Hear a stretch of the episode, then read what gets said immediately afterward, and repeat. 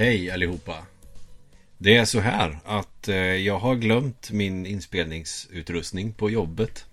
Ja, Men eh, jag har en backup-utrustning eh, tack och lov så att vi kan köra lite idag. Och så är det. Så att ni kommer väl höra allt från snusdoser som jag sliter tag i och musklick och annat sånt där som kan läcka in när man får ha rätt mycket gain på mikrofonen. Ja, men eh, vi får en podd i alla fall. Ja, exakt. Och ska jag vara krass så tror jag inte att någon bryr sig. Men jag tänkte att jag nämner det i alla fall för att det kommer att låta annorlunda. Ja, det gör det. Det får ni leva med den här gången. Ja, men det tycker Och jag. går det inte så får ni återkomma nästa vecka då. Ja. Ja. Så vi sätter igång direkt pang på rödbetan. Har du kikat på eller spelat någonting det senaste? Eh, jag kan eh, säga så här att jag eh, bestämde mig, alltså jag gillar ju att se om film ganska mycket. Det händer lite då och då. Eh, ofta så kan jag välja, man väljer en filmserie. Mm. Sen kan man nu se alla serier, eller alla filmer i den serien. Ja. Och nu eh, senaste veckan och lite längre bak så har jag nu sett eh, eh, Mission Impossible-filmerna. Mhm. De fem som Med finns. Tom Cruise Precis. och gänget. Ja.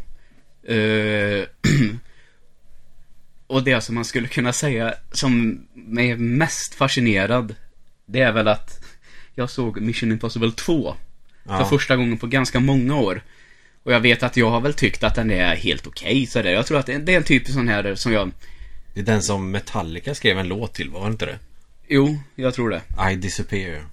Ja, just det. Och den här andra jävla banden som var populärt eh, där. Limp Bizkit. Ja, de har ju gjort en, ja, en rockigare version av soundtracket. Ja Som nu metal-version. Ja, Lite kornvibbar i, i Mm. den liksom. precis.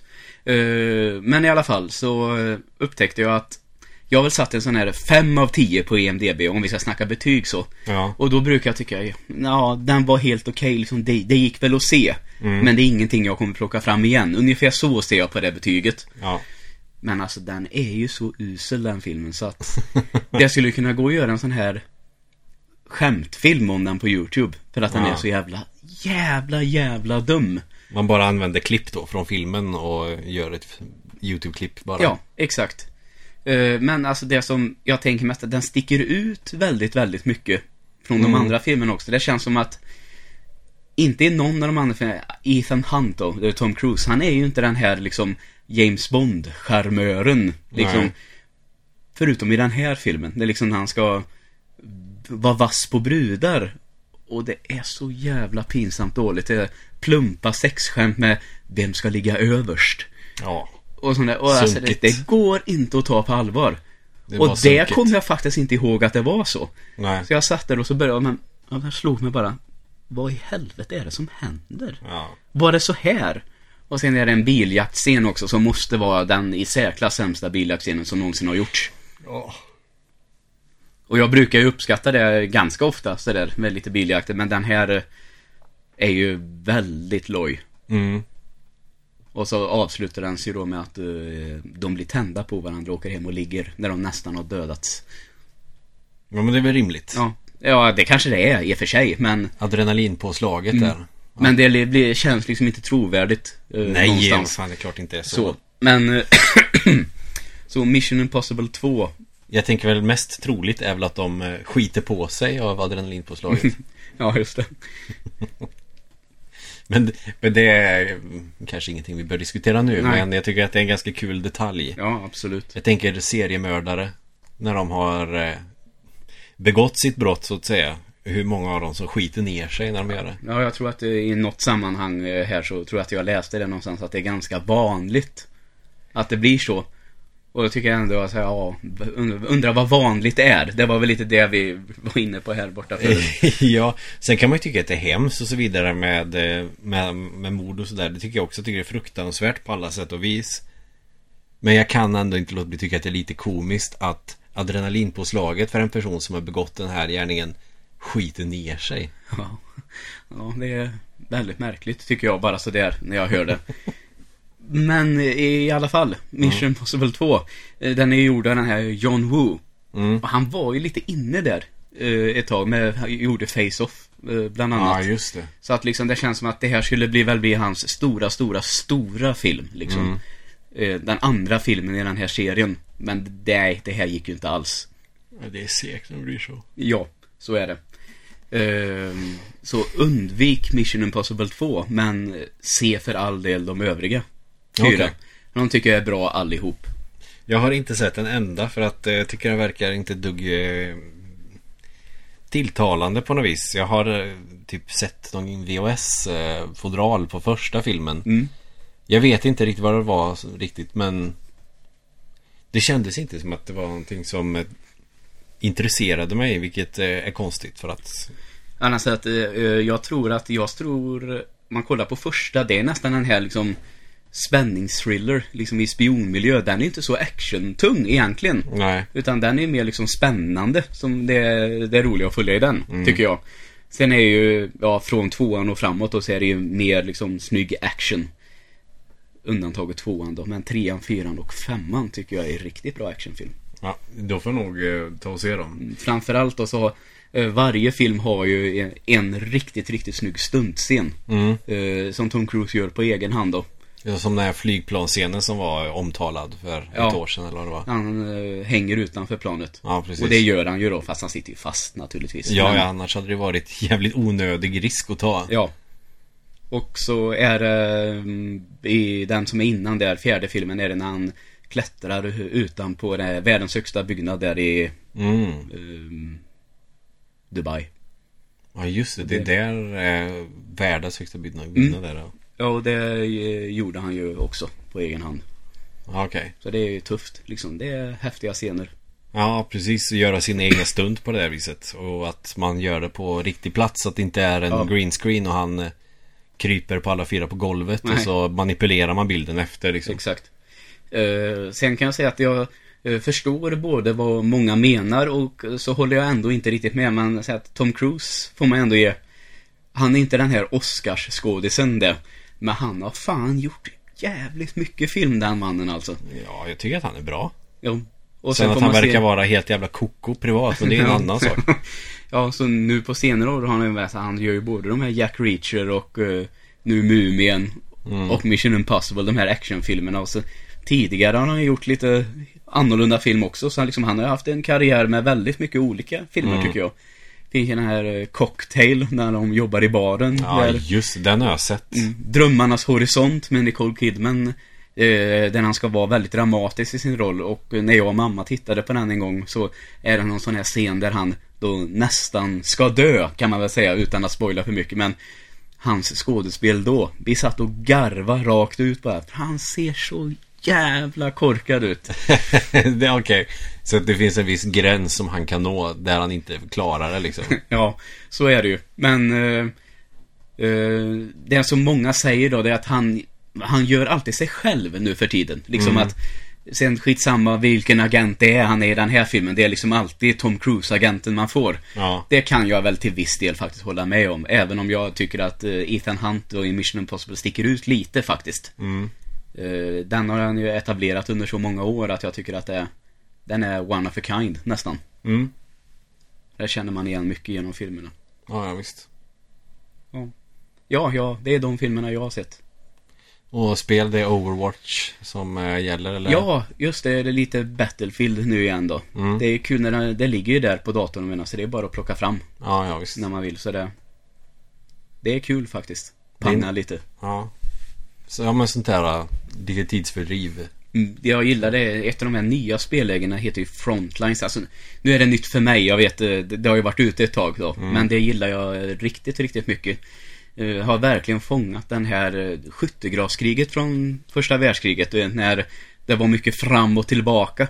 Så matcherna verkligen står och väger fram och tillbaka. Så det är riktigt, riktigt roligt faktiskt. Ja.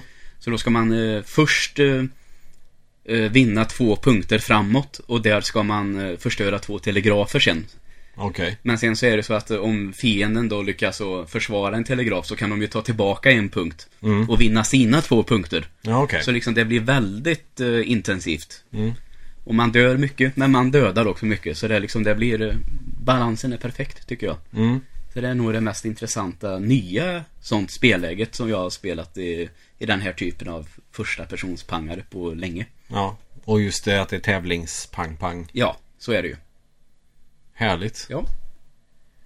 Eh, jag har inte tittat på mycket film, har jag inte gjort. Men däremot så har jag nu sett eh, säsong 5 av Orange is the new black. Ja just det, den kom, eh, ja det är en vecka sedan ungefär. Vi pratade ju om det då. Ja, den förra kom gången. förra fredagen. Så att jag och Evelina bokade upp eh, resten av fredagen. eh, från det att vi kom hem från jobbet. Och tittade på eh, några avsnitt i sträck tills klockan var kanske ett, två på natten. Mm. Och sen på lördag så eh, käkade vi en sen frukost där vid tolv. Och tittade på resten av säsongen och vid sex på kvällen, halv sju där någonstans var vi färdiga. Hur många avsnitt är det på en säsong av den serien? Ja, vad fan kan det vara? Men jag ser att Netflix-serier är oftast de jag ser, det är 13. Är ett sånt Ja, men julen, 12, så 13. Det är det där någonstans ja, också. det är där någonstans. Så det är ändå 12-13 timmar Mm. ungefär. För det är ja, en timmes avsnitt ungefär. Och eh, det här är nog... Eh, jag vet inte om jag tycker att den här säsongen kanske är bäst hittills. Eller så kanske den är det. Men den är ju helt klart eh, intressant. Mest intressant storymässigt med allting som händer. Och för att om man kollar på första säsongen så är det ju den här karaktären Piper Chapman som är huvudkaraktären. Det är ju, Mm. Men eh, ju längre den här serien har gått desto mindre har hon varit i fokus. Mm, Det är den här blonda tjejen eller? Ja, precis. Ja, jag har sett på lite posters och sådär. Ja, så att eh, hon är eh, mer av en bikaraktär. Mhm. Och så, men så har det varit de senaste säsongerna kanske, men det blir mer påtagligt i den här. Att alla andra karaktärer har fått en eh, större liksom del i serien. Ja. För det är ju många karaktärer som kanske bara skulle ha varit med i några enstaka avsnitt i första säsongen. Mhm. Men som nu då är etablerade karaktärer i serien, så Ja. man får se ganska Men mycket. jag bara här, eh, Följer det en huvudstory eller liksom avslutas det vid varje säsong och så märker man att de slutar det lite sådär spännande och sen så börjar det och avslutas snabbt i säsongen efter, förstår du vad jag menar? Eller finns det en övergripande story över samtliga säsonger? Mm, alltså den här är ju baserad på en roman eller en bok. Ja, just det. Men eh, jag tror att den börjar gå ifrån boken mer och mer. Ja. Att eh, tv-serien har liksom fått ett eget liv. Mm. För boken är ju baserad på Piper Kermans tid på eh, den här anstalten. Men eh, det är ganska stora skillnader storymässigt. Nu har inte jag läst boken men jag har ju läst lite vad som händer och eh, till exempel hur hon lever sitt liv idag så stämmer väl kanske inte riktigt det överens som jag har uppfattat det med hur hennes motsvarighet i karaktärer till serien Piper Chapman blir eller lever. Skulle man kunna säga att det har gått från faktion till fiktion? Ja, det är på väg ditåt i alla fall. just det. Ja, men det är väl ganska bra. Ja, precis. Det är svårt att avgöra om man ska säga faktion eller fiktion. För Ja, att nu det är är, det en jävligt sån lurigt. Nu är det en sån blandning så att Mm, det, ja. det är som bräckt vatten. ja, just det. Östersjön. Ja, Mm. precis. Nej, så men jag var väldigt nöjd i alla fall. Och det är en sån cliffhanger i den här säsongen som gjorde att jag blev eh, upprörd. Ja, jag. Över faktumet att jag måste vänta i ett år Ja. innan jag får fortsätta se på det. Mm. Det är fascinerande det. Man blir jävligt glad när Netflix lägger ut alla avsnitt på en gång. Men samtidigt så kan man ju dra i sig dem så det är jävla snabbt på ett par dagar. Så att det Ja. blir nästan som en besvikelse när det har gått så snabbt också. Till exempel när någon av oss eh, kollade på Stranger Things. Ja, jag såg alla avsnitt på raken. Ja. Jag kunde inte sluta. Och när vi skulle åka till jobbet på morgonen och du hade inte gått och lagt dig än. Ja. Det var tur att vi inte hade elever den dagen. Det var ju så här precis vid sommaren så liksom. Ja, just det. Det var, annars hade det ju inte gått. Utan jag visste ju Nej. att vi ska bara sitta och liksom köra lite på egen hand. Ja, Det underlättar och då ju. kan man ha en sån trött dag. För att då gör man inte åt med så mycket energi fysiskt i alla fall. Nej, exakt. Det är mer kognitiv energi som går åt. Mm. Om det ens finns någonting som heter så. Nej, och förutom att kolla på den serien så har jag eh, gett mig fan på att eh, lära mig att spela shoot em ups på riktigt. Så jag har väl streamat lite då och då bara för att jag kan. Eh, streamingen gör att jag känner press på att eh, prestera ordentligt. Mm. Så att jag inte slarvar. Ja, Utan när man vet om det är någon som tittar då kan man inte fucka upp. För då gör man ju bort sig inför andra som kollar. Ja, exakt. Så det är ett ganska bra sätt att göra det på. Mm, nu har inte jag sovit sådär jättebra de senaste nätterna så att Och det är jävligt viktigt Så jag har inte spelat så mycket Och när man spelar den här typen av spel då måste man vara Jävligt eh, På G Alltså man måste Alltså man ska ju ha käkat bra liksom och sovit bra. Ja, det, det är verkligen sådana förberedelser om man ska bli riktigt duktig på det.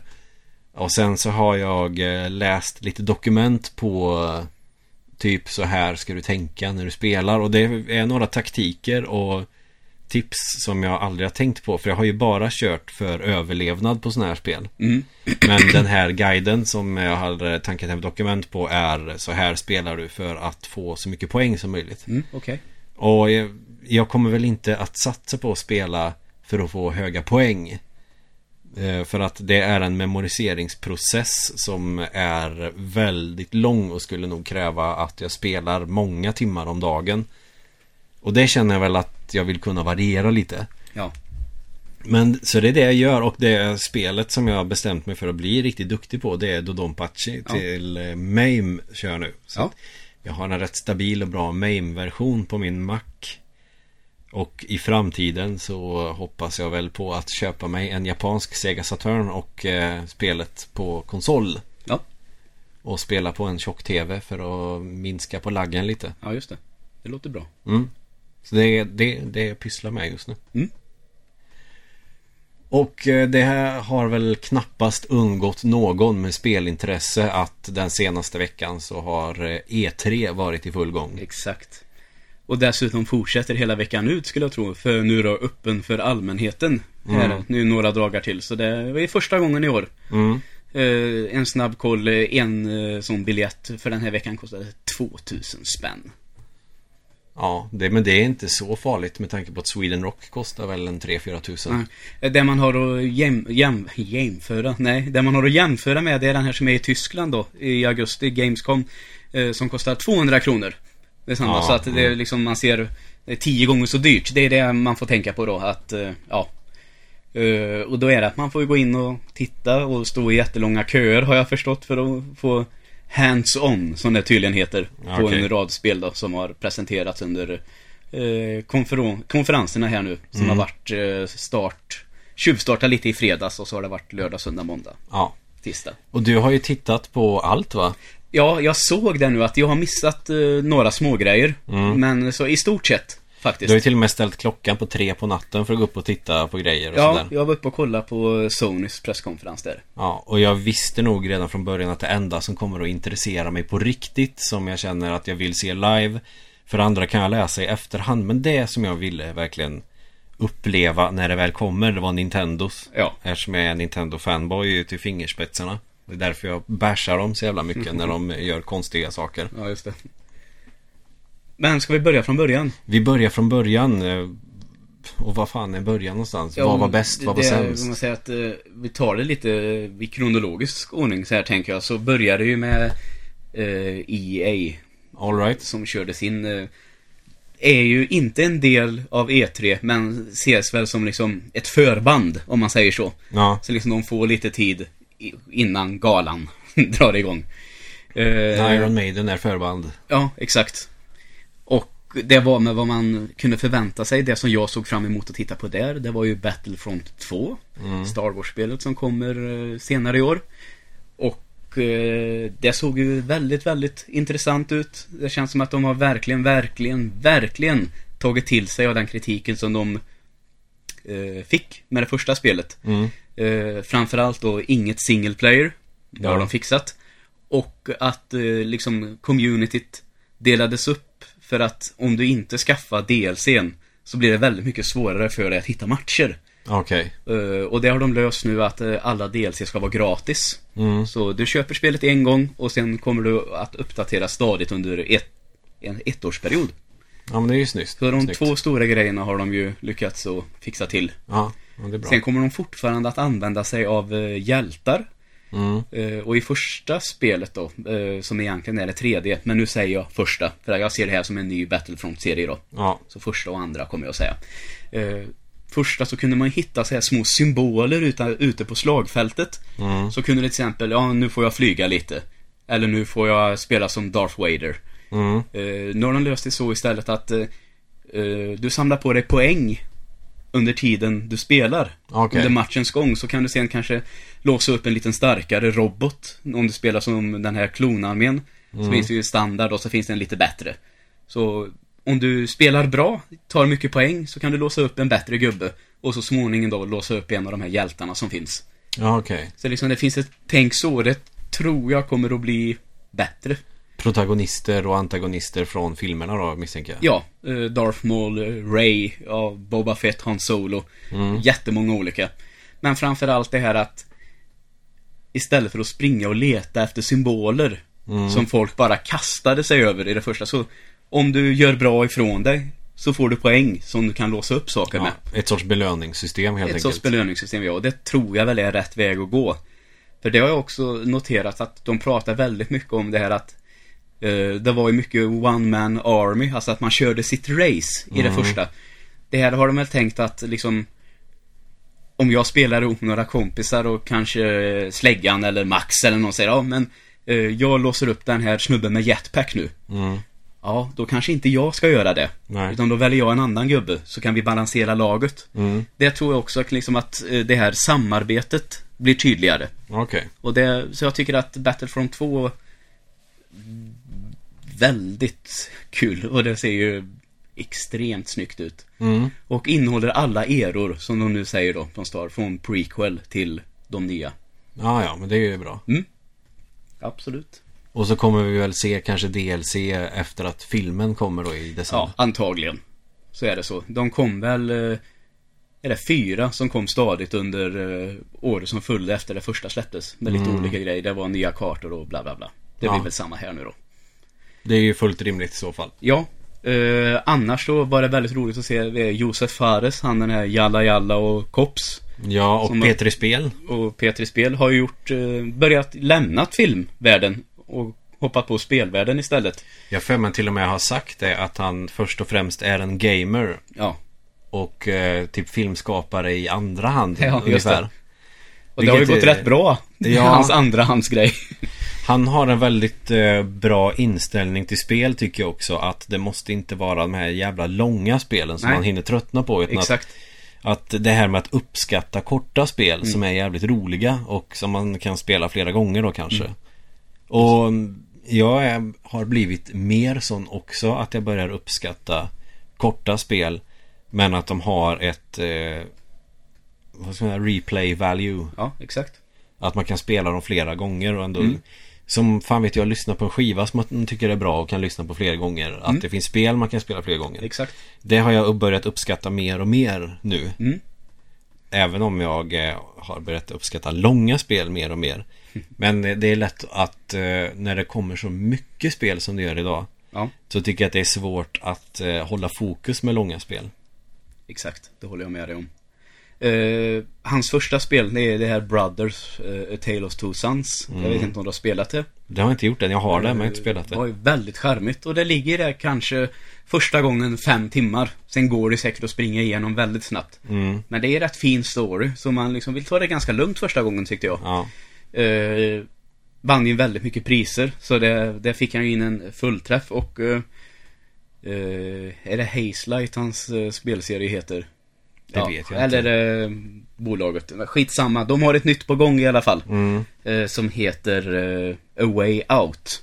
Mm. Och det här såg också ruskigt intressant ut måste jag säga. Ja men det var är jag eh, rätt sugen på. Det var Mm. ett av de ganska få spelen som inte var Nintendo som jag kände att det skulle jag vilja ta tag i när det kommer. Mm. Och eh, grejen med det här det är att du spelar två karaktärer. Mm. eh, som ska rymma från ett fängelse. Och att jag säger spelar två karaktärer, det är att det är endast co-op.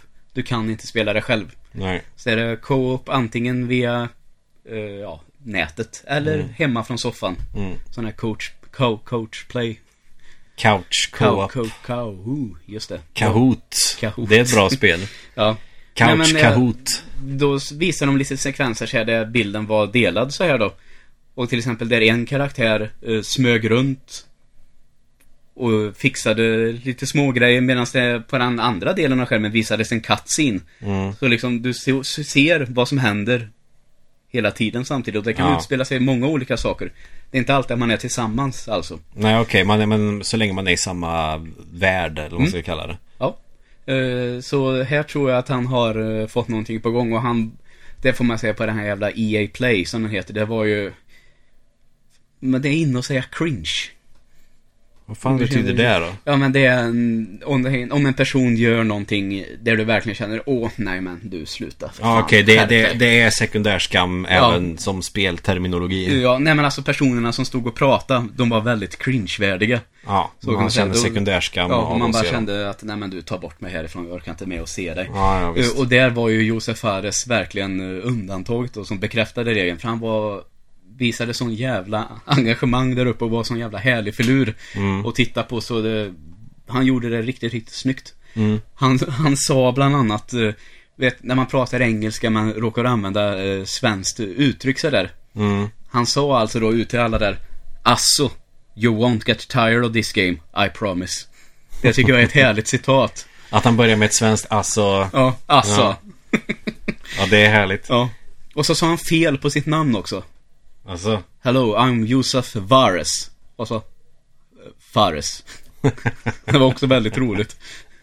Det kan vara charmigt. Ja, men liksom han... Han tar ju det med en klackspark. Mm. Det var ju därför det funkade. Så där, där blir det ingen skämskudde, utan han skrattar ju åt det själv. Ja. Liksom, och bjuder på det. Det var väldigt bra. Ja, det blir nästan som en stå upp-rutin i början Ja. där att man inleder med någonting korkat och så lyckas man lösa det Ja, liksom. exakt. Eh, Men nog om EA, de visar ju upp sina sportspel eh, som vanligt. Mm. Det man kan uppskatta då, det är att det blir det här mer storydrivna läget även i sportspelen. Så jag tror att om du gillar eh, amerikansk fotboll så tycker jag att det läget, när han liksom följer en karaktär nästan från, vet jag, collegefotbollen. Mm. Och så får man göra olika val och ska man ta sig upp allra, allra högst. Ah. Eh, det såg ändå intressant ut och att man skulle röra sig lite utanför plan också, liksom i så här sociala situationer och agera Det blir mer dem. en, en eh, sån simulator där du dessutom ska knyta kontakter. Ja, och det, alltså, det får man väl säga Det tror jag ändå sportspelen Det är rätt väg att gå tror jag Mm. Alltså erbjuda Utöver liksom Vi hoppar in och kör en match Till liksom ett mer single player betonat spelläge Mm. Och få lite mer förståelse för branschen kanske också. det Hur- tror jag här det Var igång egentligen redan med FIFA förra året när man följde eh, en spelare Mm.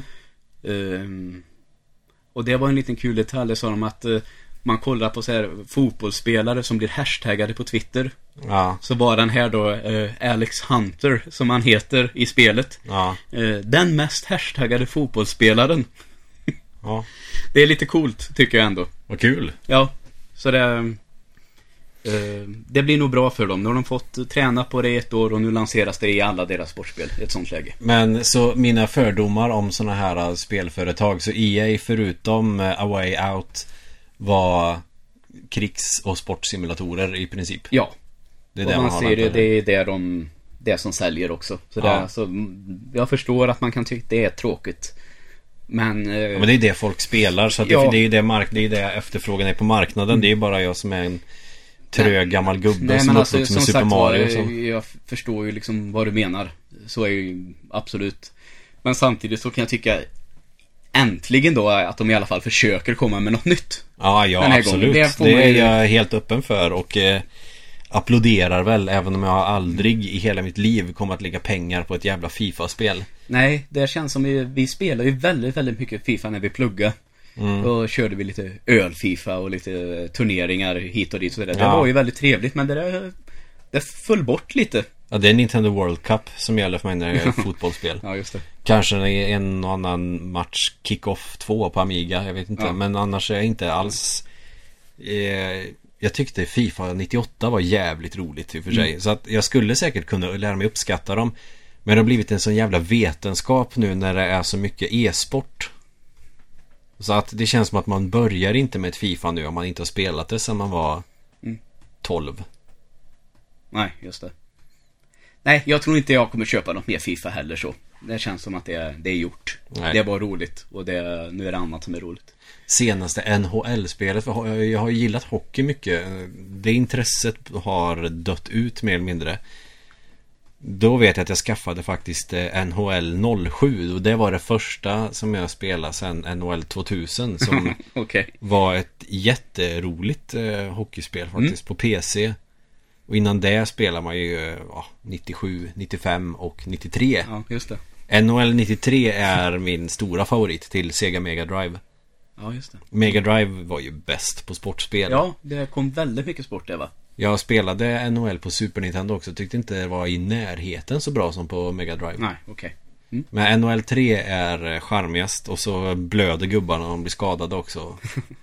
Ja, okej. Sen har jag faktiskt Elitserien 95 till Sega Ja, det Mega är Drive. tufft. Elitserien 95 ja. Ja, Man kan spela som Håkan Loob i Färjestad. ja det är tufft. Ja, det är fan riktigt tufft.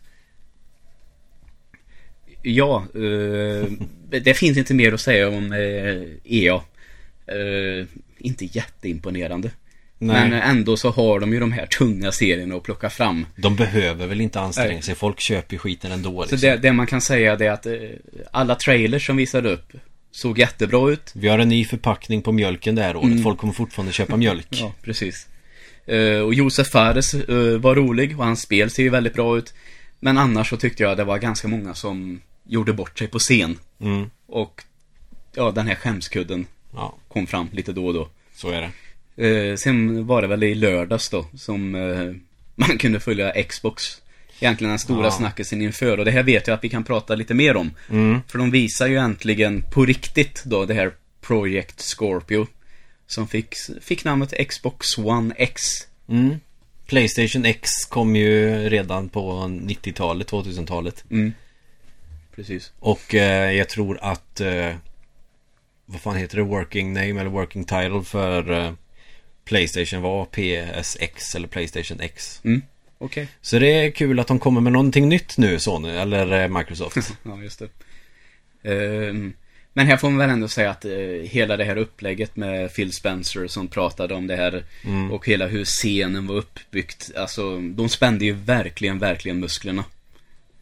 Tycker jag att de gör helt rätt i faktiskt. Ja, eh, precis. Det var en jävligt snygg presentation. Mm. Och de visade ändå på den här eh, ungefär en och en halv timme eh, 40 spel och varav 20 i alla fall minst är tidsexklusiva för Xbox. Ja. Och flera av dem säkert kommer att fortfarande vara exklusiva hela livstiden ut om man säger så. Ja, det är väl bra. Ja. ehm,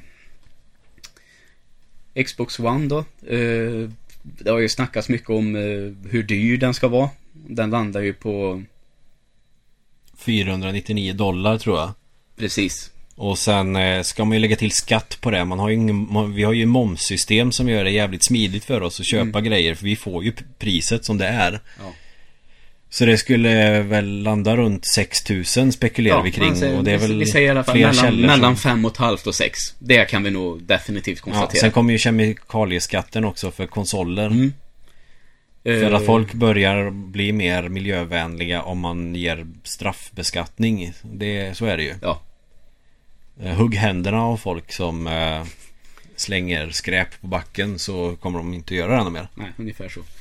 Eh, men i alla fall, vi, vi säger 6000 kronor då, ungefär. För en Xbox One X. Ja, det tror jag nog vi kan räkna med. De, Ja. Elektronik är alltid billigare utomlands också. Mm. Och det kan man ju ifrågasätta då, det som jag tänkt på, det har varit mycket diskussioner på olika forum, det är eh, vilken eh, målgrupp som de egentligen söker. För när Xbox One lanserades första gången, då skulle det egentligen vara den här mediamaskinen som skulle passa hela familjen. Det här är ett väldigt tydligt steg mot kanske inte så mycket casual, utan ska- vill du ha en konsol och vill du ha det bästa, då ska du välja en Microsoft-produkt, alltså en Xbox. Det är väl den gruppen de är ute efter. De som Och sen vill ha är det det ju direkt senaste, det svar bästa. på PS4 Pro också. Ja, det är det ju. Och eh, det är det att de lägger sig en bra bit över den. Mm. Så vill du ha det kraftfullaste så ska du titta på Xbox. Ja. Så är det. Sen är det ju upp till bevis då om det verkligen eh, spelar någon roll. För det hänger ju mycket på spelen också. Absolut. Och det är väl där Microsoft har fått eh, lite kritik. Att eh, det som såg allra, allra bäst ut, det kommer komma på andra plattformar också. Ja. Det är väl lite det som man har pratat om då. Så då är frågan att om det är så lite skillnad men ändå ett par tusen i pris. Varför ska jag då välja Xboxen? Ja. Det är det som snacket har gått på. Och det är väl en sund diskussion kan jag tycka. Det är väl naturligt att det blir den. Ja. Och sen om det blir riktig 4K-upplösning så att det inte är, vad pratar vi på Playstation? Att det finns 4K-upplösning till spel. Mm. Men att det är typ två spel som har stöd för det. Ja, jag kollade en liten lista här. Det är en liten lista på olika. Fifa till exempel. Och jag Mm. vet att uh, Last of Us har det och uh, huset ska väl Mass Effect ha det också. Men Mm. eh, går lite på knäna då istället. Ja, och när man inte kan nå upp till den upplösningen av, eh, vet inte, prestandaskäl eller någonting så skalar den alltså upp eh, pixel för pixel på något vis. Ja, precis. Ehm, så där, där har ju Microsoft nu garanterat s- ligger steget före. Ja. Man såg ju det här Forza till exempel, det här bilspelet som kommer. Ja, Xbox One S kan ju på ett sätt konkurrera med PS4 Pro redan nu Ja, liksom. det kan han ju. Den har ju, för det första, jag tänker, den har ju Blu-ray-spelaren som är liksom HD... HDR. Ja, ja dels det, men eh, jag tänkte på, den har ju en spelare som kan spela Ultra HD Blu-ray-film. Så är det. Ja, den Eh. kanske inte har HDR. Jo, den har nog HDR också Ja. skulle jag tro. Men det är det här färg, eh, High Ja. Dynam, Dynamic Range, range. eh. Och det är ju svårare och eh, krångligare har jag fattat det som. Ja, det har ju min TV nu. Mm. Det är lite pilligt att ställa in rätt bild. Det var det du visade mig förra veckan. Det, det ett, blir ett grått filter. Ja, det, det blir det ju. Och tanken är ju att man får pilla lite med det där nästan till sådär innan man hittar rätt. Men nu har jag gjort om det och sparat igen, så nu känns det bra. Ja. Och det blir ju eh, Bredden i färgerna blir ju väldigt, väldigt tydliga. Så Mm. det blir riktigt, riktigt fint. Faktiskt. Ja, det är, ja, men det är jättebra man kan göra så. Jag tänker kanske speciellt när man tittar på film. Men eh, jag undrar hur det blir med eh, input-lag och såna här grejer när man har såna jävla inställningar på tvn. Ja, det... Visst, det finns ju gaming mode, men alltså om det är jävligt mycket prestanda och eh, bilduppdateringsfrekvenser och skit så finns ju risken att laggen blir rätt jävlig. Ja, det är faktiskt ingenting som jag har... De spelen jag har spelat är Uncharted-spelen bland annat och eh, Last of Us också som har HDR då. Och det blir ju väldigt, väldigt fina färger. Ja, Och just Last of Us då, det är ett sånt, det ligger ju stadiga 30 FPS. ja. Så liksom det känns bra. Input-lag, har du märkt av något sånt där när du har krämat på? Nej, faktiskt inte. Ett sätt att märka input-lag det är om det går eh, osannolikt dåligt när man spelar ett Ja. spel man är asgrym på. Mm, ja, nej. Det, nej, det, jag har faktiskt inte reagerat så mycket över det alls. Det är därför jag inte bytt ut min plasma-tv än. För den har eh, nästan inget input-lag och då kan jag ju spela Nintendo 8-bit på den. Ja. Och det går bra. Mm. Så att eh, den kommer jag nog ha som spel-tv ett bra tag framöver. Ja. Och skaffar jag en ny tv så kanske det är för mer krävande film eller kanske något enstaka om jag nu skulle spara ihop pengar och köpa mig en Xbox One X. ja, just det. Så kanske det är på en sån tv Mm. jag skulle använda den till och så använda typ resten av mina konsoler på på min plasma-tv alternativt en tjock-tv om det är gamla Precis. enheter från 90-talet. Eh, Men i alla fall, eh, man kan fråga nu, vi skriver upp det bäst på E3, ja, Microsoft, de är väl där. Mm. Eh, Absolut att de, det de presenterade, det var så proffsigt utfört och snyggt och de Ja. visade mycket spel. De behöver det här också. Ja, exakt. Eh, Och det är väl två av dem som jag faktiskt känner mig ganska sugen på. Det är ju eh, Bioware fick ju ett litet snedsteg skulle man väl kunna säga med det här Mass Effect. Ja, det verkar som att det är jättemånga som har gnällt och raljerat om det. Mm. Eh, Det som jag har hört lite, eh, to be fair, som en del har sagt att det är inte på något sätt dåligt. Men det märks inte alls i samma klass som de tidigare spelen i serien. Nej. Så att det, det är att, Jag har inte alls eh, några tankar på att köpa det än för jag tänker inte köpa det för fullpris. nej, det är samma här. Men det som jag hörde en person berätta som jag tyckte var rätt slående. eh, För han skulle beskriva vad han menar att han har som grej tydligen att spela igenom alla Mass Effect en gång om året. Ja, okej, det är som Ja. min pappa då. Han säger att, eh, Fast en gång i månaden istället. att Mass Effect 2, där känner jag, åh nu, nu är det det här uppdraget. Mm. Och liksom det, det är fortfarande inte tråkigt utan han är så fascinerad över att det kan skilja sig åt på vägen mot slutet och liksom Ja, man ja, kan visst. få olika upplevelser, göra lite olika uppdrag. Medan han eh, började att spela det här senaste Mass Effect då på Xbox. Och det hackade jättemycket i prestandamässigt. Mm. Och han började om på PC. Men fick då känslan här, fan ska jag behöva göra det här igen? Mm. Och gav upp och fortsatte att spela på Xbox ändå. Okej. Liksom, lite så att Det var inte tillräckligt kul för Nej, att det göra har om. gått, alltså det är inga problem att ta sig igenom det en gång, men sen, åh oh, fan, det här uppdraget igen. Det är den känslan på det. Mm. Och sen när man är klar så tycker man ändå, ja, det var okej. Sådana uppdrag är det ju också i de spelen som är bland de bästa kan jag tycka. Till exempel Resident Evil 4 kan, finns det en hel del sådana sekvenser som tänker nej fan det är det här. Mm, just det. Ett sånt ställe är när man är i slottet och de här jäkla fan är de? Sektprästerna ser de ut som, Mm. som springer runt och chantar när de försöker kidnappa Ashley hela tiden. Ja, och det. du ska skjuta dem med sniper och inte träffa henne och sådär. Ja. Det är ett sånt ställe som jag tycker är riktigt jävligt. ja, och sen är det väl någon knivfight där som inte är så jävla rolig heller. Nej, det är bara quick time events. Ja. Och eh, Den är rätt svår också har jag för det mig. är jävligt svårt. Och jag hade ju oturen med en GameCube som hade kasslaser redan när jag köpte den. Fast det fattade jag ju inte förrän något år efter när garantin hade gått ut. Så att det blir ju så här när man har kört halvvägs utan att dö bara äntligen och sen bara eh, Och så står det en error has occurred. Ja, fy fan tråkigt. Och så står det titta i manualen och gör någonting så att man får dra ur sladdar, kasta den ut genom fönstret, ta in den igen och säga att jag ska inte göra så igen. Jag slår sönder lite kontroller. Nej men alltså det är fruktansvärt irriterande. Eh, även utan den typen av problematik förstås. Ja. Det, det är sån jävla onödig sekvens i spelet. Men det man sett att eh, Mass Effect Andromeda, det har ju tagit hårt på Bioware. Man har sett att den delen av Bioware som utvecklade det är ju numera, ja, nedlagd. Ja. Så liksom de eh, har väl puttat väl det här åt sidan. Men de visade upp någonting nytt. Ja.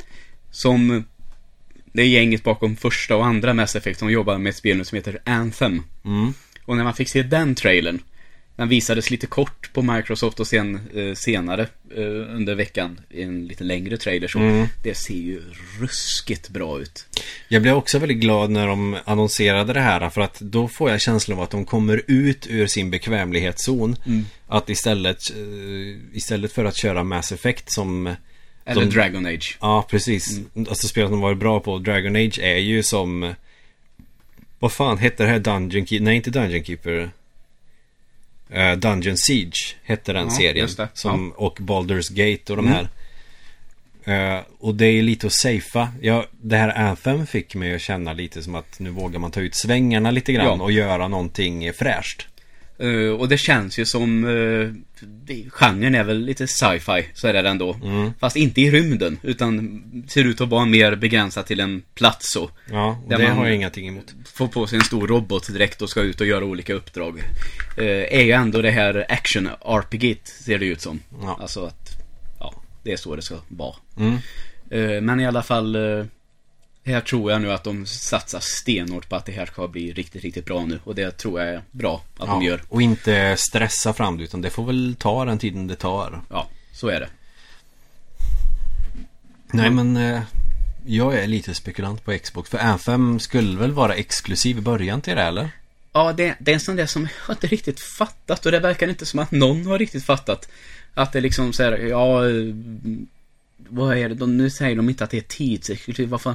Launch exclusive tror jag de kallar det nu hela tiden under sin presskonferens. Ja men det är ju ganska Mm. lätt att claima för det kommer ju inte vara någon annan eh, konsol som lanseras Nej, och sen så liksom... Nej men jag tror att vid lanseringen så är det exklusivt. Alltså inte Ah, konsolens lansering okej. utan spelets lansering.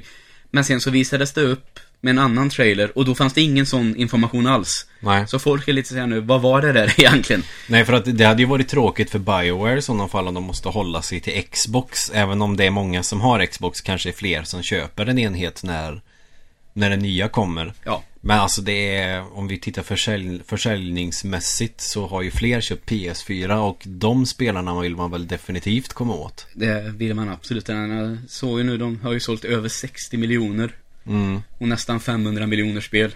Så det är klart, det finns ju mycket spelare. Tänk. på den tiden när tv-spel såg som leksaker och spelar man för länge så fick man epilepsi och eh, det är ju sig sant man kan få men eh, att det var, man hotade hela tiden med massa saker. Mm. Och nu är det fan en större industri än filmindustri nästan. Ja, exakt. Och inget otroligt. eh, man bara skäller på och tycker att det är korkade leksaker. Ja, nej. Eh, så det var ju Microsoft då. Mm. Uh, visade även upp Rares uh, Sea of Thieves. Okej. Eh, lättsam eh, pirat-action. Såg också väldigt roligt ut. Mm. Liksom ska vara enkelt gameplay. Med fokus på lekfullhet tror jag. Pirater, zombies och eh, krigsspel. Mm. För det var något zombiespel där jag också bara tänkte men nu får de väl för fan ge sig. Eller nu får det här spelet ett zombieläge. Nej. Mm. Och nu ska vi spela det här spelet. Ni är ett gäng och det kommer en massa horder med zombies och ni ska överleva i den här skitvärlden där allt har Ja. gått under. Men herregud, kan man inte komma på något roligare snart? Nej. Och det är så jag ska sitta sen då. Oh, ett nytt Super Mario! Oh! Eller om ett Megaman kommer. Ja. Precis. Nej men alltså att det, när det går i sådana trender att alla spel får zombielägen Alltså nytt Super Mario kommer ju inte lika ofta kan jag tycka som det kommer zombiespel eller zombielägen i spel Nej, eller. kanske inte. Så det är så Ja. Nu blir det sån här pinsam tystnad När Ja. vi sitter och häcklar varann Eh, nej, men vi kan väl ta lite Sony då. Men du har faktiskt en poäng där med nytt Super Mario eller Ja, ett nytt Super Mario till 3DS typ Absolut, Ja. det har du en poäng i Men Super Mario har alltid varit Super Mario Zombies eh, känner jag att man hinner tröttna på på ett annat Ja, sätt ja, men jag förstår vad du menar. Absolut. Även om jag då istället tycker att State of Decay till exempel såg väldigt intressant ut med det här eh, basbyggandet och sen ut och leta efter material i den här zombievärlden. Liksom, jag tror det samarbetet kan bli The Sims Zombies kan man kanske kalla det. Mm Tror jag snodde det från någon annan skribent nu, men då får det vara så. Men det var ju som det här Seven Days to Die som jag spelade som också är Du ska bygga en bas, du ska överleva Zombiehorder och eh, ut och leta material. Det var skittråkigt Men jag gillar konceptet så jag hoppas att det här nu blir bra. Ja, För jag gillar ju zombies men det kommer så jävla mycket. Ja, så är det. Det blir inflation och ja, det är inflation på Super Mario-spel. Mm. Men jag är fanboy så att eh, det rör inte mig. Men hade jag inte varit det så hade jag också ryckt på axlarna åt Super Mario Just det. Eh, men nog om Microsoft de gjorde. Jag var imponerad faktiskt. Mm. Nu har jag ju aldrig ägt en Xbox. Men det är liksom Ändå Jag så har- kan jag ju konstatera att det såg väldigt bra ut. Jag har haft första och så har jag haft 360 Kanske har en 360 i något förråd någonstans men Annars har jag två gamla Xbox Ja, det är gött. Ja, det, men det är fan en bra Det är kanske den bästa multimedia-maskinen om vi ska gå in på sådana grejer Om man fular med den Ja, precis. Man chippar den. Ja, Ja. det går att flasha också om man bygger sin egen kortläsare och Ja. eh, startar en save från äh, Fan heter det jävla spelet? Splinter Cell Aha, okej. Men, äh, det, det är länge sedan Det skiter man i Det, finns, det Mm. kommer snart en J-tag eller någonting till PS4 Ja, just det. Om någon har köpt en vid eh, första släppet där och inte uppdaterat den så kanske man kommer kunna göra det om tio år. Ja. Eh, men eh, vi ska bara ta lite snabbt Sony också. Mm. Eh, egentligen inte så mycket att säga. Man hade ju hoppats på kanske få se någonting av Red Dead, Redem- Red Dead 2. Red Dead Redemption 2. Fan vad det var svårt att säga. Red Dead Redemption. Ja. Eh, men det försenas ju strax innan E3. Visades inte någonting alls. Inte någonting av Last of Us 2 heller. Möjligtvis att de väntar här nu till augusti när nästa stora spelmässa är. Men kommer Red Dead Redemption vara ett exklusivt spel till PS4? Nej, men det var många som kanske trodde att eh, de hade fått den titeln. Att eh, välja ja. upp, eh, visa upp liksom. Är Men eh, nej, eh, det blev ingenting. Och framförallt då inte någonting alls av Last of Us 2. Nej. Eh, det hade man ju hoppats på. Tänk att det har ju varit under utveckling ett tag nu så att visa upp någon form av eh, pre-alpha kanske man hade Mm. hoppats på. Men jag tror att eh, augusti är den här spelmässan i Tyskland. Att det kanske blir någonting då istället. Mm. Eh, vi får vänta lite till helt enkelt. Och annars så visade de upp mycket som visades upp redan förra året. Mm. Eh, God of War var väl det nästan tillsammans med Spiderman-spelet de två riktigt, riktigt stora dragplåstren under konferensen tycker jag. Spiderman alltså av Mm. alla spel.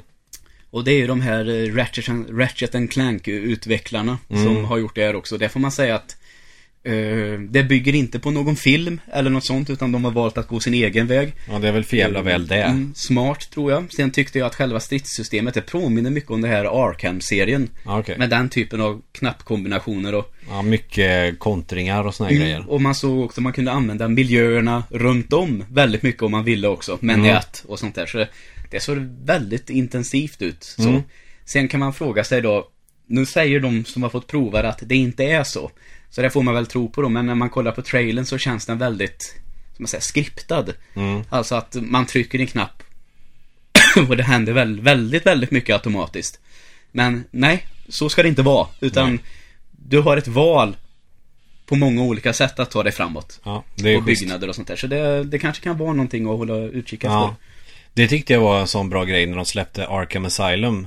Att eh, det var mer serietidnings-Batman mer än att man försöker Eller ja, det är klart att man försöker, försökte rida på vågen på The Dark Knight när den kom. Mm. Men att det är Batman som Batman och inte någon licens. Nej, exakt. Och det tycker jag kan vara ganska gött att man också tar hänsyn till att Batman är inte bara långfilm. Nej. Som personer som jag kanske tror. Eftersom jag inte har läst serietidningarna. Nej, precis. Och... ehm, ja, det, alltså det man får ge Sony då. Mm. Att det var ju väldigt eh, teatralistiskt, alltså hela runt om. Till exempel när det var det här eh, zombiespelet som jag har tappat bort namnet på. Days Gone heter det tror jag. Mm. Eh, under det som det visades så liksom var det zombies ute i publiken och det liksom hängde ner folk från taket i band och gjorde så här. "Åh." Så Ja. liksom, det var jävligt häftigt att se hur man tänker på det så. Ja. Och sen hade det också varit, berättar om eh, och jag tyckte att det blev så jävla högt ljud under den här Call of Duty-trailern. Mm. Och det hade tydligen varit så att eh, liksom, de brände väl mer eller mindre av knallskott liksom inne i lokalen. Oj, oj, För oj. att få riktigt den här känslan av krig. Mm, det vill man ha. Krig är härligt. Ja, eh, i alla fall i den här, på det här sättet. Sen vet man ju att det är ett helvete i vanliga fall. Men Ja. liksom, så ur den synvinkeln så får man säga att där var ju Sony väldigt bra. Och det verkar som att det har gått hem hos ganska många. Mm. Jag kan tycka att liten besvikelse hade man väl ändå. Mm. Men nu har jag sett lite omröstningar så det är många som tycker att Sony var väldigt bra också. Ja. Så det, ja. Det Jag tror, gick hem. inte, jag tror inte direkt i deras nackdel ändå. De kommer nog att ligga rätt stabilt vad gäller Ja. försäljning och folk kommer väl att... Mm. Och folk är nöjda med de här exklusiva titlarna som de visade upp också. Ja. God of War och Days Gone. Det vet man ju att det kommer att hålla. Ja, så är det. Eh, Men nog om Sony. Och kanske mot Nintendo då. Ja! Ubisoft var bra också för övrigt. Ja, oh, ett nytt Mario-spel. Just det. Men det är bara Nintendo som gör Mario-spel och ingen annan. Alla andra gör zombiespel. Mm. Nu släpper vi det här, nu släpper jag det här. Men ska vi börja där då? Vi- Nästan. Ja, ska vi börja med Mario Super eller? Mario Odyssey. Ja. Ja.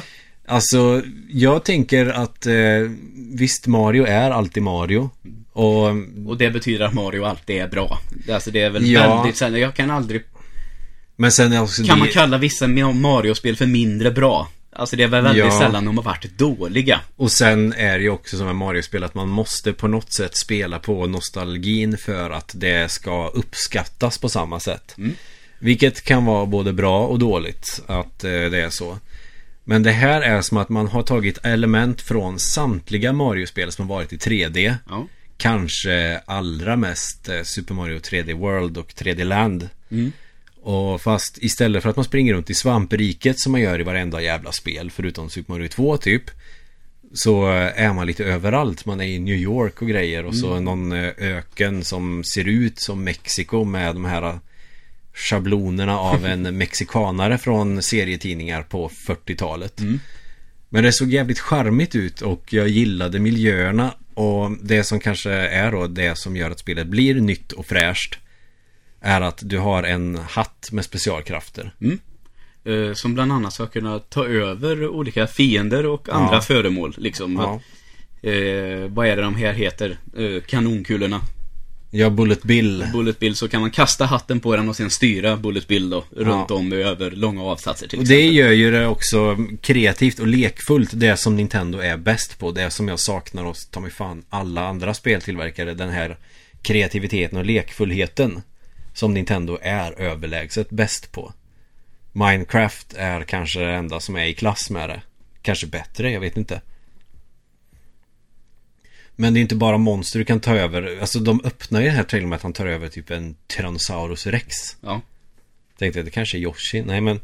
Och sen kan man åka på elledningar och fan vet vad. Nu ska jag nysa lite. Det klipper vi inte bort, orkar jag inte. Nej. Och jag såg också att till exempel det var någon gång han kastade den på en punkt på marken och det växte upp en blomma som man kunde snurra iväg på så här. Så den där mössan används ju till mycket. Mm. Den kreativiteten är väldigt välkommen för hade det inte varit något sånt där då hade det ju varit som vilket Super Mario-spel som helst med bara nya miljöer. Folk hade spelat det men man kanske inte hade känt någon wow-känsla av det. Så att räddningen är nog den hatten bland annat. Mm. Och sen vet jag att det är folk som har klagat på att eh, om Mario nu är en rörmokare från Brooklyn och sen då springer runt på New Yorks gator bland andra människor som ser ut som människor medan Mm. han ganska tydligt ser ut som en serietidningsfigur Ja, eller en Disney-figur. Mm. Men det känner jag, vad fan. Nej, det bryr jag mig inte ett smack om. Nej. Men det som jag tyckte var mest intressant är ju att man ska, man ska samla på månar istället för stjärnor. Ja. vad gött, nu fick vi någonting nytt verkligen. Men att man hittar de här på väldigt eh, olika egna sätt som man kan göra det på. Att eh, hur du ska ta dig upp för byggnader eller hitta vägar upp för torn eller vad Ja, fan just det nu kan vara. Det tyckte jag såg väldigt intressant ut. Mm. Och där får man väl också säga att det är som Zelda nästan. Ja. Det tänker jag också på. Undra hur stor en bana är. Ja, jag hoppas ju att det här spelet är stort så att det inte är 80% New York och sen är det några små banor runt omkring. Ja, nej, det tror jag inte. Men jag tänker mer om när man hoppar in en tavla i Mario 64 till exempel. Mm. Så det är en ganska stor banor, men liksom de rundas ju in. Ja, Eh, Som om man har New York, undrar hur mycket yta du har att röra dig på helt fritt. Liksom. ja det precis. tycker jag ska bli intressant att Om se. det blir GTA, för det här skulle ju vara en så kallat sandbox-spel. Ja, Och när du tar månar också, till skillnad från stjärnor. För när du tar en stjärna i Super Mario 64 till exempel. Då avbryts banan och du måste göra om från början igen för att ta nästa stjärna. ja just det. Här kan du ju ta en måne och sen fortsätta. Ja. Och det känner jag, varför gjorde man inte så tidigare? ja, det kan man fråga sig. Visst, vissa grejer måste resettas kanske på banan men eh, en del banor på Super Mario 64 tänker jag att man stör ju flowet och man måste börja om från början hela tiden. Ja, just det. Så att, eh, ja, det här var väl inte en dag för tidigt att de gör det. Och det här Odyssey, det är väl det här eh, skeppet som man ska åka runt i. Ja, det är väl från Odysseen kanske man har eh, snott det från. Ja, precis. Eller ja, det är ju ett begrepp som kommer Ja. därifrån överhuvudtaget. Sen tänker jag att det kanske kan bli så också, den här dinosaurien som man väckte liv i. Eh, Kanske blir lite tidsresor också, eller? Tror du Mm. att det kan vara så? Då får vi ju som de här gamla eh, Vad fan hette de? Mario is miss- missing och Ja, eh, det. Marios time machine Ja. Mm. Då springer man ju runt i städer och pratar med folk Fast här kanske då vi slipper det tråkiga Ja. Sen har det ju varit en idé tidigare att det skulle vara ett spel med att Mario ska resa runt i världen istället för att Bara vara på, vara i olika kungadömen som Mm. mer eller mindre är Mushroom Kingdom oavsett hur man ser det. Men eh, det av- man sket i det. Det blev eh, avbrutet liksom. Det var till eh, den här eh, Philips CDI. ja, just det. Precis.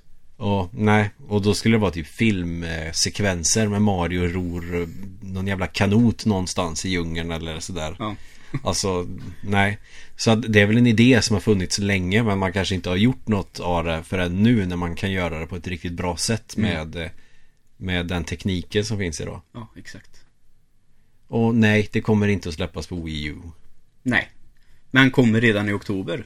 Ja, jag trodde den skulle komma till jul men eh, det är De ju hade gött. sagt Holiday först och det var väl rimligt att tro att det faktiskt skulle vara så. Ja, då hoppas jag inte att de släpper en extremt buggig version som knappt går att spela. Nej, det pratade jag lite med Fredrik när vi åkte hem. Och att han sa, Mm. har de lagt det lite tidigare så det... Varför då? Ja, risken finns ju att det finns sådana game-breaking buggar. Ja. Men jag tror att Nintendo är nog så pass noga med att det inte blir så många sådana. Zelda upplevde inga som helst problem med fast folk hade gnällt halvt ihjäl sig på nätet. Men Det. då är det väl kanske en sak som kukar ur och så är hela spelet kast helt Mm. plötsligt. Eftersom man kan vara kräsen idag. Ja, just det. Och sen såg vi Skyrim eh, att eh, Bethesda väljer att släppa samma spel flera gånger under de här sex åren. Mm. Och för att locka till sig spelare till Switch så kan man hitta Links kläder Mm. och hans värld. Ja. Ja, det är ju skithäftigt. Ja, det är tufft. Men då spelar jag väl hellre Zelda än ett, se- ett spel som har släppts många gånger. Mm. Jag har inga problem att spela ett sex år gammalt spel men jag tycker att det är konstigt att man släpper det om och om och om igen. Ja, det kommer väldigt ofta. Får man ju säga. Så att det är, ja, nej, så det kommer jag nog inte skaffa. Men du, apropå det, en liten, eh, liten sidogrej som vi glömde med Sony. Mm. Det kommer ju för fan en remake på Shadow of the Colossus. Ja, det gör det. Och det såg ju riktigt fett ut. Mm. Det såg väldigt häftigt ut. Ändå tycker jag att det gamla håller och HD-remastern håller. Mm. Men Mm. om de löser kontrollerna så tror jag absolut att de kommer kunna frälsa mer spelare. Ja, det tror jag också. Eh, sen kan man säga att det, det är väl eh, mer från grunden den här gången. Liksom, det är inte Ja, bara visst. HD-texturer utan de har väl byggt om väldigt mycket. Ja, det är en ny motor och Eh, allt ja, tror jag. så det, där har de eh, någonting som ser väldigt intressant ut. Ja. Helt klart. Så i vissa fall går det bra att släppa samma spel flera gånger.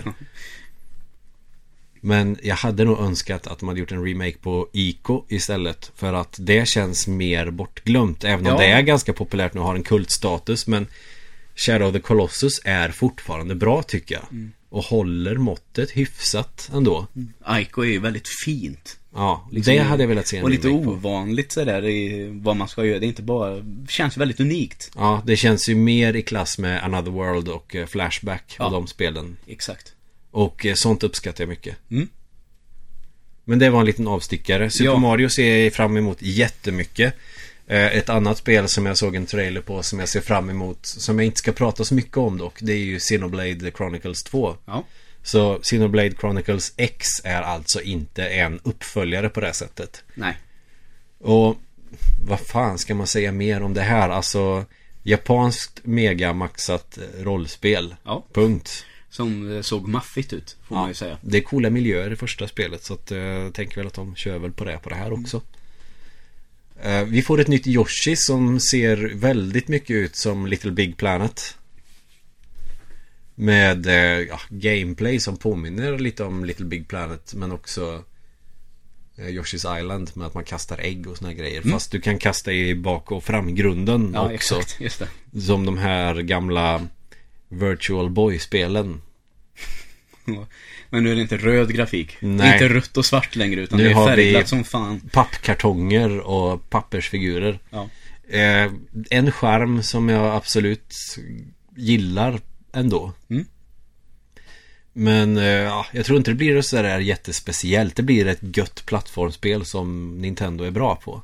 Mm. Samma blir ju nya Kirby som bara kommer heta Kirby. Ja. Eh, jag tittade lite på... Har aldrig spelat Kirby. Nej men det är bra spel. Men eh, det är ingen utmaning alls. Nej, okej.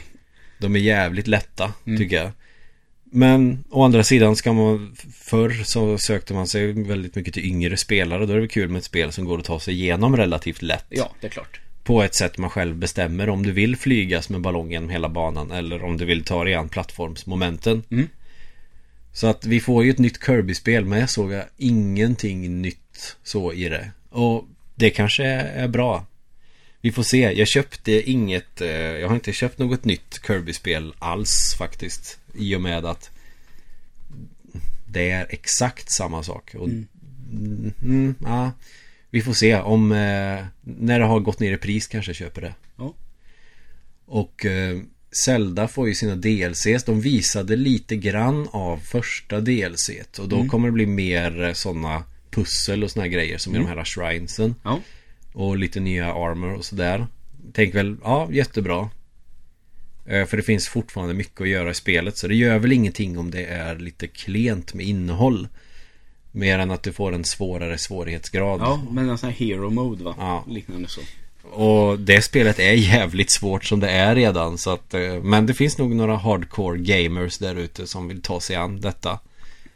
Så att, men jag kommer nog att främst vänta på det som kommer till vintern. Och det fick man inte se riktigt lika mycket på.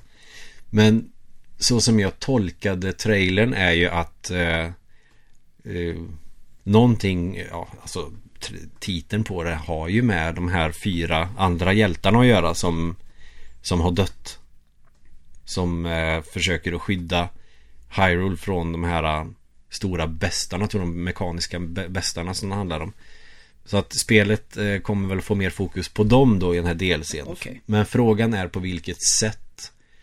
Eh, jag skulle nog inte ha emot om man gjorde att man fick eh, spela spelet som utspelar sig händelserna före Calamity-grejen. Ja, okej. Så att det sakta men säkert går åt helvete men man får Ja, ja. kanske en bättre inblick av vad det var som hände snarare än de här äh, flashbacksen man får när man går och fotar rätt ställen. Okej. Eller vad fan det är man gör. Nej. Hittar små minnesfragment på vissa platser. Så hoppas att det blir något sånt. Ja. Det låter bra. Mm. Ska vi eh, helt enkelt eh, gå igenom den här stora grejen som jag spekulerade redan på dagen innan Nintendo sände att jag hoppas att de kommer med ett Switch-spel och eh, ett eh, 3DS-spel i samma serie. Ja. Och jag sa att eh, man kan ju hoppas, men det brukar ju läcka nu för tiden. Mm. Så vi hoppas, men kanske ändå inte, Nej. sa jag. Räkna inte med det. Nej. Och eh, man får se rymden och hur eh, en väldigt välbekant låt fejdar in. Och mycket riktigt, det kommer ett nytt Metroid till Switch. Ja, i Prime-serien. Ja, Som Metroid Prime 4. så kanske inte det jag exakt hade önskat mig, men ändå fan ett nytt Metroid. Mm. Tio år senare. Ja, det är tufft. Sen Metroid Prime 3, men Other M kom ju lite senare.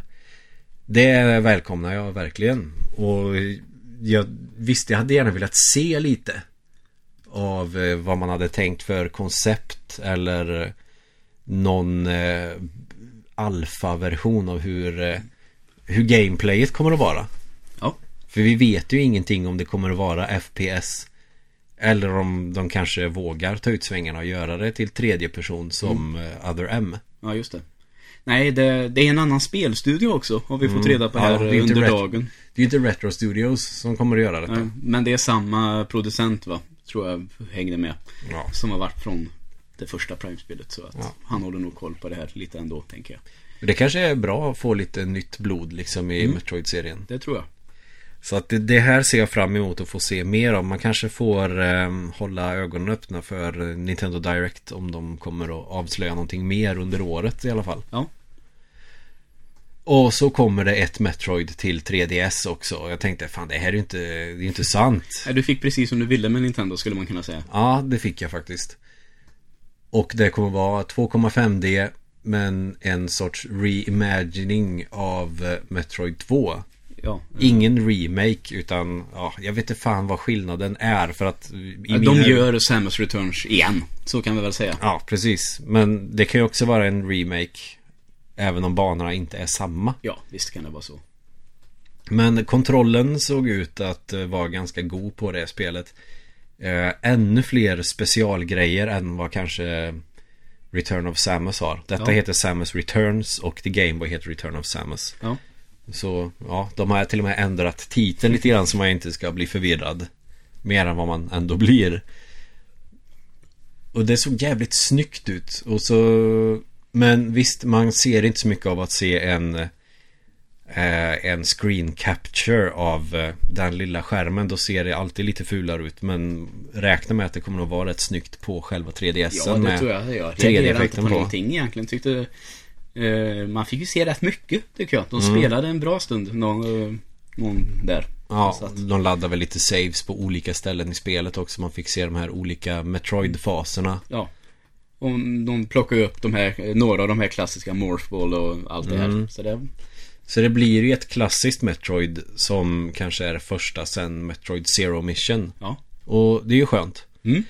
Eh, sen tycker jag också att det här som de gillar, eh, man har en melee-attack. Ja, just det. När Som, fiender flyger nära så kan man slå till dem och sen trycka snabbt. Och få någon sån här critical hit då med sitt eh, ja, en, ja, precis. En sorts melee counter. Ja, Så att eh, du kan slå till dem om precis när de attackerar den. ja. Eh, ja, fan vilken bra idé. Mm. Och eh, att man dessutom kan använda det till sin fördel i bossar och sådär. Ja. Och då har de ju också att om du knockar en boss sådär med den här melee counter så kan du ju hoppa på dem så att det blir som en liten sekvens som i eh, Other M när du kan hoppa upp på fienderna, ladda vapnet och skjuta dem i huvudet såna grejer. Ja. Så det verkar vara ganska maxat det här. Och det här är ju det Metroid-spelet jag helst vill ha. Mm, det vet jag. Vi- eh, 2,5 eller 2, vad man nu ska kalla det, det. eh, är det som väldigt många har hört vill ha med Metroid. Ja. Så nu fick vi det också. Så det, det går ju Ja. inte att klaga den här gången. Och just att eh, första Metroid-spelet fick ju en remake till Game Boy Advance För att det kanske var, inte hade åldrats så bra och så gör man en uppdatering som är objektivt sett bättre. Och nu har de gjort då samma med tvåan Att eh, ja, det här är ju ett uppskattat spel. Det är inte många som kommer ta sig an det. Okej, vi gör en reimagining så fler kan ta de- del av den delen av Metroid-historien. Ja. Och ja, det är ett smart drag tycker jag. Och till 3DS tror jag också på. Mm. För att Det är ju en konsol som är eh, väldigt, väldigt populär. Ja, och Nintendo verkar våga ta mer risker med den konsolen Mm. Och då blir det oftast bra Ja. Om man vågar göra det Var det något mer jag tänkte på Metroid? Mm, nej, inte så på rak arm. Då får jag väl Då får jag väl ta igen det vid ett senare tillfälle när vi vet lite mer Ja. Men nya Metroid kommer Alltså till 3DS kommer att komma redan i september Så att det här var ju nästan färdigt Och de Ja. har varit jävligt duktiga på att hålla käften om det Det har de verkligen varit. Och så har de haft eh, en tredjepartsutvecklare som har jobbat med det här också Ja. Eh, ja, det, det är väl det vi har att säga om Nintendo mer än att allting kommer att komma antingen till hösten, ganska stora titlar, men sen har vi ju rätt feta grejer som kommer nästa år. Ja, och det är ju som Metroid Prime 4 då, som säger bortom 2017. Vilket man kan hoppas är 2018 då. Mm. För då har ju... Tror jag nästan att det är väldigt bra för Nintendo att få ut det under 2018, skulle jag tro. Ja, Känns som nu får man Mario i slutet av det här. Mm. Så en sån stor titel under nästa år behövs nog. ja, och de som är färdiga med Zelda kommer att kunna få lite mer DLC och pilla med Mm. under tiden. Precis. Sen är det ju också frågan hur de hade tänkt efter 2018 För de tar sig gärna tid med sina egna titlar Mm. Och några tredjepartsutvecklare eller tredjepartsutvecklade spel är ju egentligen inte frågan om alls på samma sätt Då skulle man ju kunna hoppas då att eh, de gör lite unika spel bara för Switch, liksom så. Ja, Eh, Ubisoft visar ju upp det här Mario plus Rabbids. ja just det Eh, ser intressant ut, tycker Mm. jag. Alltså, mer sånt kanske. Ja, Man kan precis. hoppas på att eh, bland annat Ubisoft då. Ja, Och sen, From Software ska ju också ha någonting på gång. De stod ju med som utvecklare för Nintendo Switch. Mm. Har vi inte sett någonting av heller. nej Så att jag tror för Nintendos del att de kommer att släppa exklusiva titlar från deras egna karaktärer som Mario eh, och Zelda och Metroid Bara att det kanske inte är Nintendo själva som eh, i första hand gör dem Nej, utan exakt. att de kommer att låta de här större kanske speltillverkarna vara med och göra typ som med eh, när Rare gjorde Donkey Kong Country till exempel. Ja. Att det blir mer sånt för tredjepartstillverkare och, och Nintendo. Precis. Och min förhoppning är att om man ska ha tredjepartsutvecklare som gör egna spel så hoppas jag nog mer på japanska utvecklare. Ja. För det är något speciellt med japanska tv-spel och som brukar eh, funka bra på Nintendos maskiner. Ja. Och så kan man låta de här mer eh, skjutarspelen som är avancerade och eh, perfekta på sitt sätt kanske vara på de bättre konsolerna. Eller PC. Och så tar man de mer kreativa och eh, lekande spelen till Switch. Ja. Visst är det så. Så det är väl vad jag hoppas och faktiskt tror att det kommer att bli. Ja. Eh, Det man kan konstatera i alla fall under de närmsta åren så är ju Nintendo Switch eh, väletablerad och här för att stanna. Ja, Och det finns definitivt ett utrymme för den. Ja, och eh, det verkar funka bra och eh, köra den som både bärbar och eh, stationär. Det är jättesmart drag. För att jag har spelat jättemycket på den som bärbar. Jag trodde att det skulle vara en onödig gimmick som allting, men nej, det är rätt bra. Ja. Och om då Nintendo bara kan hålla sig undan från det jävla gimmick-tänket Att nu ska vi släppa spel Men man måste använda handkontrollen på ett speciellt sätt för att spela dem Mm. Om de kommer ifrån det här och ser till att göra bra spel istället För att jag tror att vi har kommit förbi gimmick-skiten nu liksom Ja, det tror väl jag också. Det var kul i mitten på 2000-talet men Det höll ju inte Nej, det blev för mycket. Exempel även när du och jag spelade Donkey Kong när man skulle skaka och hålla på för att Ja, göra vissa... Man var tvungen att skaka för att typ springa eller något sånt där Ja, jag kommer inte riktigt ihåg nu. Men eller om man skulle göra någon snurrattack, du vet när han hjular Diddy Kong eller något sånt där. precis. Ja. så var det. Då var man tvungen att skaka den. Alltså, och det är ju inte för att det finns för få knappar på kontrollen. Du har en attack slash springknapp och en hoppknapp. Ja, Det är ju för fan samma på Donkey Kong Country. Och det funkar ju bra. Så att Ja. Skakningen gjorde bara spelet svårare. ja inte för att det höjer utmaningen utan för att det är ett jävla dick move. Ja, Så att sånt tycker jag att de ska akta sig för. ja, det tycker jag också. Eh, gyrofunktionen till att sikta funkar alltid ganska bra. Det var lite awkward typ på Ocarina of Time 3D till 3DS. Men funkar jättebra tycker jag på eh, Breath of the Wild. Mm. Och då får man ju nästan musprecision när man siktar. Ja. Det skulle de kunna köra vidare på. Men det här med att hålla på och mjölka kor och boxas med de här småkontrollerna som ska ha massa eh, straps som man ska ha runt handlederna och fan vet vad för att de inte ska flyga ut i någons postlåda eller någonting som tydligen händer i USA. Eller något sånt där sjukt. Om man ja, kom ifrån det lite grann och satsa på spelen och var liksom inte rädda för att våga riska lite som man gör med 3DS att Ja men vi provar att släppa ett sånt här Fire Emblem eller vi provar att släppa ett sånt här Zelda.